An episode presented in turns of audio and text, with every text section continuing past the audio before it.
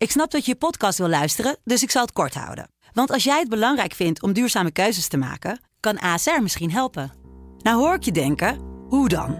Nou, bijvoorbeeld bij het duurzaam herstellen van schade. Of de premies die we beleggen volgens ons duurzaam beleggingsbeleid. Dat bepaalt waar we wel en juist niet in investeren. Wil je meer weten over welke duurzame keuzes ASR maakt? Ga dan naar asr.nl/slash duurzame keuzes. ASR doet het. Zo, dan kan je nu lekker naar je podcast luisteren. In deze aflevering vertellen we je over de ontvoering van de Australische Anita. Deze verpleegster was op weg naar huis, maar kwam daar nooit aan.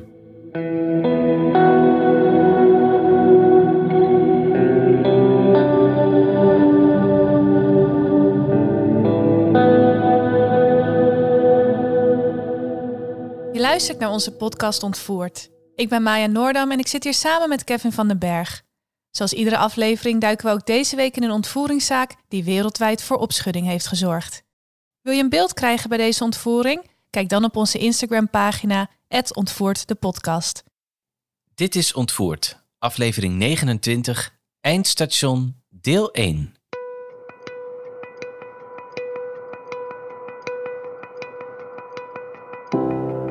De 26-jarige Anita Lorraine Lynch werd geboren op 2 november 1959 in Sydney, Australië, als dochter van Grace en Gary.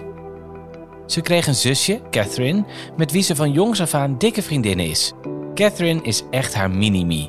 Het gezin woont in Blacktown, een plaats op ongeveer 40 kilometer afstand van Sydney. Anita is erg medelevend, zorgzaam en empathisch. Ze staat bekend als een goede luisteraar die voor iedereen echt de tijd neemt. Ze houdt erg van muziek en is vooral gek op bands uit de jaren 80. Anita is ook erg mooi.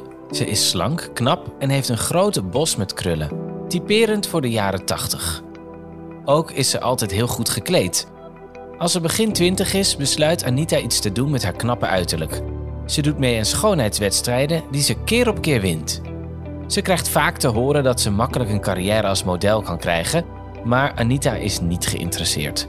Ze wil iets doen met meer betekenis, een baan waarmee ze mensen kan helpen. Uiteindelijk kiest ze ervoor om, net als haar moeder Grace, verpleegster te worden. Ze haalt haar diploma en gaat daarna werken als verpleegster in opleiding in een ziekenhuis in Sydney, waar ze ook naartoe verhuist. In het ziekenhuis ontmoet ze John Cobby, die net als zij verpleger in opleiding is in hetzelfde ziekenhuis. Anita is 20 jaar oud en John 23, dus hij is al iets verder in zijn opleiding en leert haar de kneepjes van het vak. Het klikt tussen de twee. Anita is erg nuchter en John is juist heel uitbundig, dus ze vullen elkaar mooi aan. John denkt dat hij Anita niet kan krijgen omdat ze zo mooi is en zij denkt andersom dat John veel te cool en zorgeloos voor haar is. Maar niets blijkt minder waar en de twee beginnen te daten en verloven zich een jaar later. In 1982 trouwt het stel en wordt Anita Lynch Anita Cobby.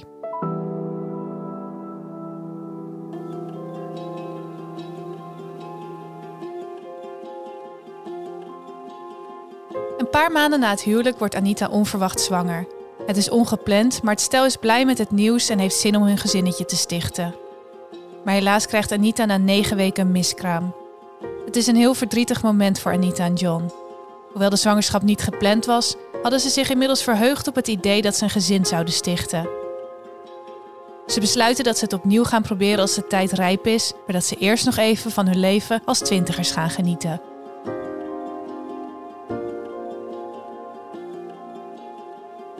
Op een gegeven moment wint John veel geld bij het wedden op paardenraces en hij besluit dat hij hiermee Anita's droom uit wil laten komen. Zij wil niets liever dan de wereld rondreizen en wil vooral graag Rome zien, volgens haar de meest romantische stad op aarde. Ze vertrekken voor een reis van een jaar en genieten van ieder moment. Wanneer ze terugkomen, stelt John voor om aan een gezin te beginnen. Maar Anita is er nog niet klaar voor. Ze geniet van haar zorgeloze jonge leven met vrienden en reizen. Samen met wat andere problemen tussen de twee drijft dit een wicht tussen Anita en John. Na een huwelijk van bijna drie jaar besluit het stel dat ze wat tijd voor zichzelf nodig hebben om erachter te komen wat ze willen in het leven. Ze gaan niet uit elkaar, maar nemen wel een paar weken afstand. Dus Anita verhuist tijdelijk terug naar het huis van haar ouders in Blacktown. Ze richt zich op haar sociale leven, brengt tijd door met haar familie, denkt erover om een kunstdiploma te behalen en schrijft zich in voor Spaanse lessen. Na ongeveer zes weken komen Anita en John weer bij elkaar om te bespreken waar ze staan in hun huwelijk. Ze boeken een romantisch uitje aan de kust om hun relatie nieuw leven in te blazen en dit werkt goed. De twee vinden elkaar weer helemaal en het voelt alsof ze opnieuw op huwelijksreis zijn. Ze besluiten om bij thuiskomst op zoek te gaan naar een huis en nu echt te beginnen aan een gezin.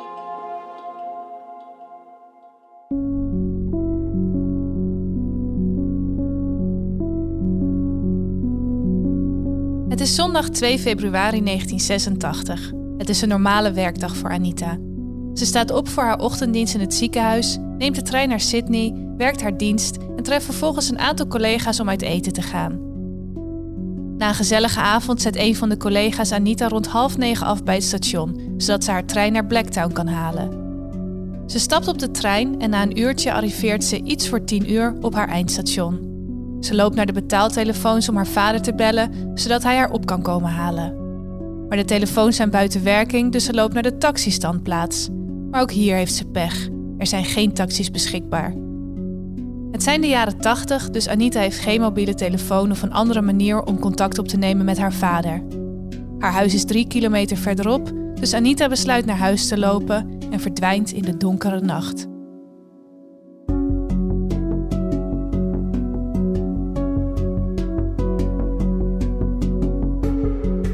Volgende ochtend worden Anita's ouders wakker en realiseren zich dat Anita niet is thuisgekomen.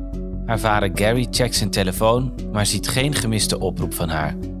Anita zou bellen als ze in Blacktown was, dus haar ouders gaan ervan uit dat ze bij vrienden in Sydney is blijven slapen. Ze maken zich geen zorgen totdat ze worden opgebeld door een van Anita's vrienden die wil vragen of ze goed is thuisgekomen. Iedereen realiseert zich dat ze allemaal dachten dat Anita bij de ander was. Haar vrienden dachten dat ze thuis bij haar ouders was en haar ouders gingen ervan uit dat ze bij haar vrienden in Sydney is. Het wordt duidelijk dat Anita wel degelijk op de trein is gestapt, maar dat niemand weet waar ze nu is.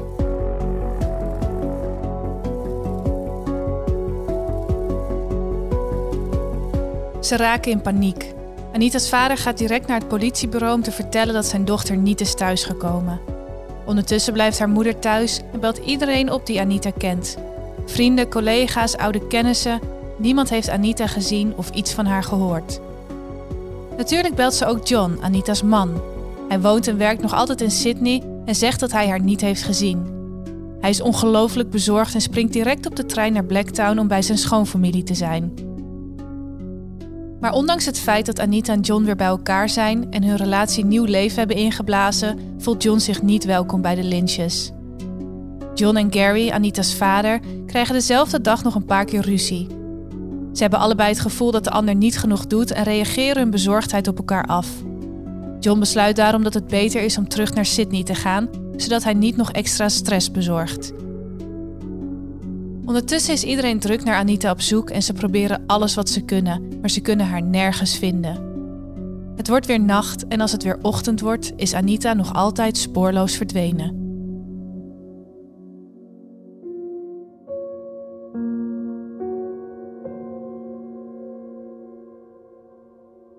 Het is inmiddels dag 2 van haar vermissing en rond half tien in de ochtend ontvangt de politie een telefoontje van een lokale boer. De boer was die ochtend naar buiten gegaan voor een controlerondje bij zijn koeien toen het hem opviel dat zijn vee zich had verzameld in de hoek van het weiland. Hij stapte op zijn kwad en reed er naartoe om te zien wat er aan de hand was.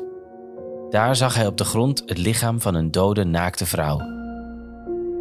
Het lichaam wordt meegenomen voor autopsie en op dit moment heeft de politie al een sterk vermoeden dat het om het lichaam van Anita Cobby gaat. Zij is de enige die op dit moment vermist is in de omgeving. Haar familie wordt gebeld zodat ze de ringen en overige sieraden kunnen identificeren die het slachtoffer droeg. John komt ook en zodra hij een van de ringen ziet, weet hij dat het om Anita gaat.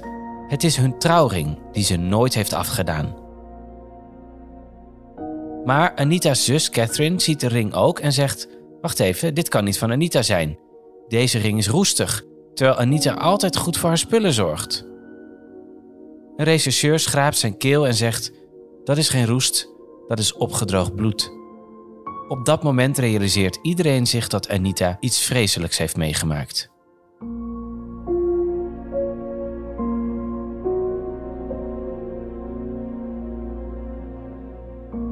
Het lijkt dus om Anita te gaan, maar de politie moet haar lichaam nog wel officieel laten identificeren. John wordt gevraagd om dit te doen, maar hij zegt dat hij het niet aan kan om zijn vrouw zo te zien. Haar ouders staan op en zeggen dat zij het wel doen.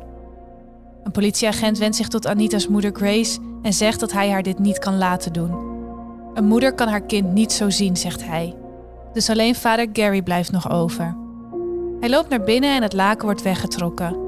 Gary ziet het levenloze gezicht van zijn dochter en zakt in elkaar op de grond. Het is overduidelijk dat Anita in haar laatste momenten ernstig is mishandeld.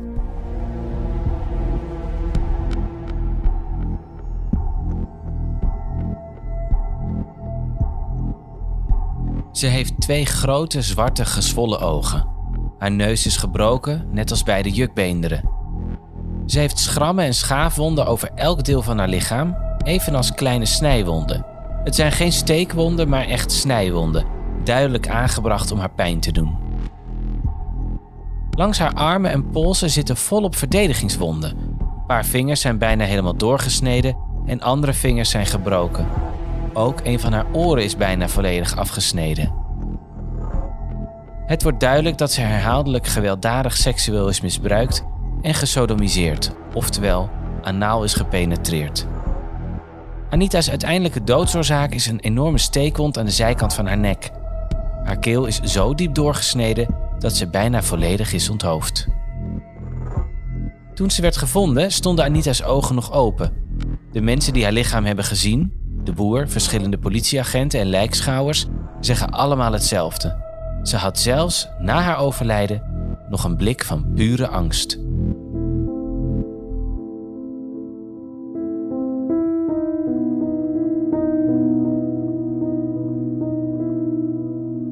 Gary Lynch werpt nog een blik op Anita's lichaam op de tafel en zegt: Ik zou willen dat ik kon zeggen dat dit niet mijn dochter was. Maar dan zou het iemand anders dochter zijn en die zou dan moeten ervaren wat ik nu doormaak. De politie weet dat ze alles op alles moeten zetten om de zaak zo snel mogelijk op te lossen. Niet alleen voor Anita en haar familie, maar ook omdat er iemand rondloopt die dit een ander mens kan aandoen. Ze gaan in gesprek met de boer die het lichaam van Anita heeft gevonden. Hij verklaart dat hij de nacht van Anita's verdwijning het geschreeuw van een vrouw hoorde in de velden buiten zijn huis. Maar hij dacht er niet te veel bij. In die velden komen vaker tieners samen om rond te hangen, dus hij hoort geregeld geschreeuw en gelach.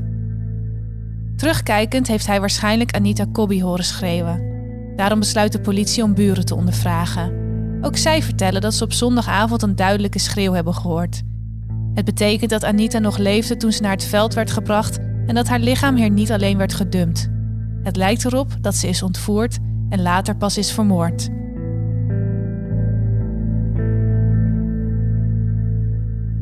Natuurlijk praat de politie ook met iedereen die Anita het beste kende. Haar ouders Gary en Grace vertellen dat Anita en John onlangs uit elkaar zijn geweest en dat is direct een enorme rode vlag voor de politie.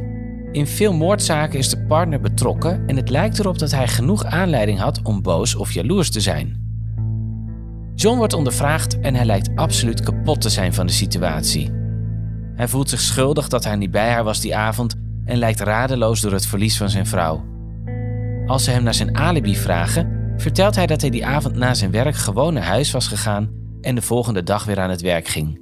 Niemand kan natuurlijk bevestigen dat hij alleen thuis was. Anita's vrienden verklaren ook nog eens dat John geobsedeerd was door Anita. Hij belde en sms'te haar constant en drong er steeds op aan om weer bij elkaar te komen. De rechercheurs denken steeds meer dat hij er iets mee te maken heeft en vragen John of hij Anita heeft vermoord. John ontkent en ontkent, maar de politie blijft aandringen. Op een gegeven moment worden ze zelfs fysiek met hem. Ze duwen hem, gooien hem tegen een muur, smijten hem op de grond, slaan hem en roepen constant dat hij gewoon moet toegeven dat hij het heeft gedaan. Het put John uit. Het gaat al niet goed met hem vanwege zijn verdriet en hij bereikt een punt in het verhoor dat hij opkijkt naar de agenten en zegt: Ja, ik moet het wel gedaan hebben.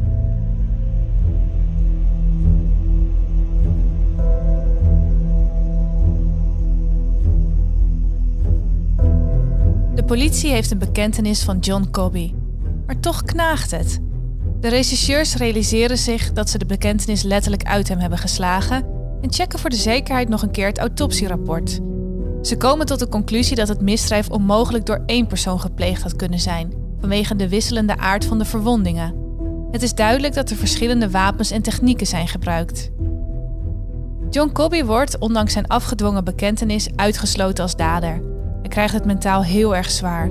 Zijn leven zal nooit meer hetzelfde zijn zonder zijn grote liefde Anita. Hij begint zwaar te drinken en gebruikt voor het eerst in zijn leven heroïne. Al snel ontwikkelt hij diverse verslavingen en hij verandert als persoon. Tijdens Anita's begrafenis is hij zo zwaar onder invloed dat hij amper op zijn benen kan staan en overal over struikelt. Op het moment dat Anita's kist de kamer uit wordt gereden, begint hij te schreeuwen en hysterisch te huilen. Hij is zo radeloos dat hij het uitvaartcentrum uitgesleept moet worden. De politie is ondertussen weer terug bij af. Ze onderzoeken lokale zedendelinquenten, de taxichauffeurs die bij het station hadden gestaan, mensen die dicht bij het treinstation wonen en mensen met een geschiedenis van seksuele of gewelddadige misdaden tegen vrouwen. Maar iedereen wordt uitgesloten en de politie zit zonder verdachte.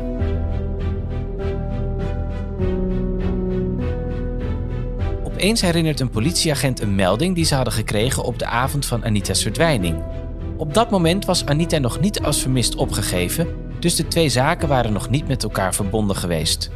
Het gaat om een melding op slechts twee straten van het treinstation. Een tienerjongen en zijn moeder waren die avond thuis tv aan het kijken toen ze rond kwart voor tien buiten het geschreeuw van een vrouw hoorden. Het was een lange, intense schreeuw. Het was voor de jongen en zijn moeder direct duidelijk dat het niet zomaar een schreeuw was. Dus de jongen rende de voordeur uit naar het einde van zijn tuin. Daar zag hij een auto waarvan de lichten uitstonden. De auto stond stil aan de kant van de straat, maar zodra de jongen naar buiten liep, maakte de auto een U-bocht en reed de straat uit in zijn richting.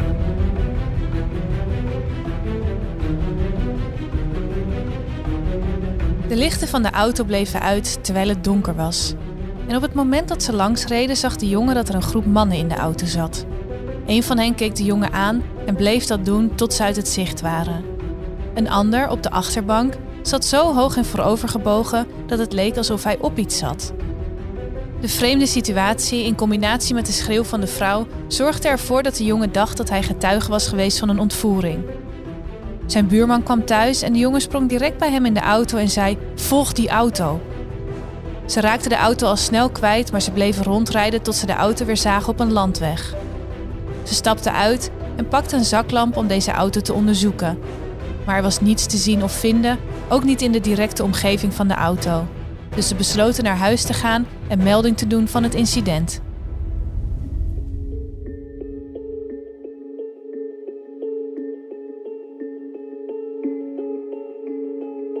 De jongen wordt gevraagd om naar het bureau te komen.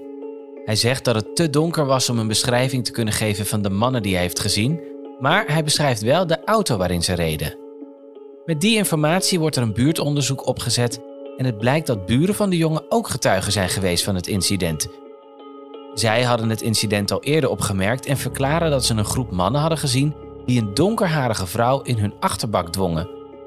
Het lijkt erop dat zij getuigen waren van de ontvoering van Anita Cobby. Normaal gesproken blijven veel details van moordzaken geheim en privé, maar op de een of andere manier wordt het autopsierapport van Anita Cobby gelekt. John Laws, een bekende radio-dj, deelt alle gruwelijke details vervolgens live in zijn ochtendprogramma. De inhoud is schokkend en het publiek is woest dat hij zonder toestemming en medeweten van de politie of Anita's familie hierover vertelt. Sterker nog, de familie van Anita wist veel details zelf niet eens, omdat de politie ze dit wilde besparen en moest dit horen op nationale radio. Ook raakt iedereen in paniek nu ze weten wat er precies is gebeurd. De ontvoerde en moordenaar is immers nog altijd op vrije voeten. Het enige positief van het incident is dat heel Australië zich nu nog meer verbonden voelt met deze zaak. Iedereen wil helpen en nog dezelfde dag wordt er 50.000 Australische dollar opgehaald als beloning voor informatie over de dader. Een week later krijgt de politie hun volgende grote aanwijzing: een tip van een politieinformant. Het blijkt de gouden tip in de zaak te zijn.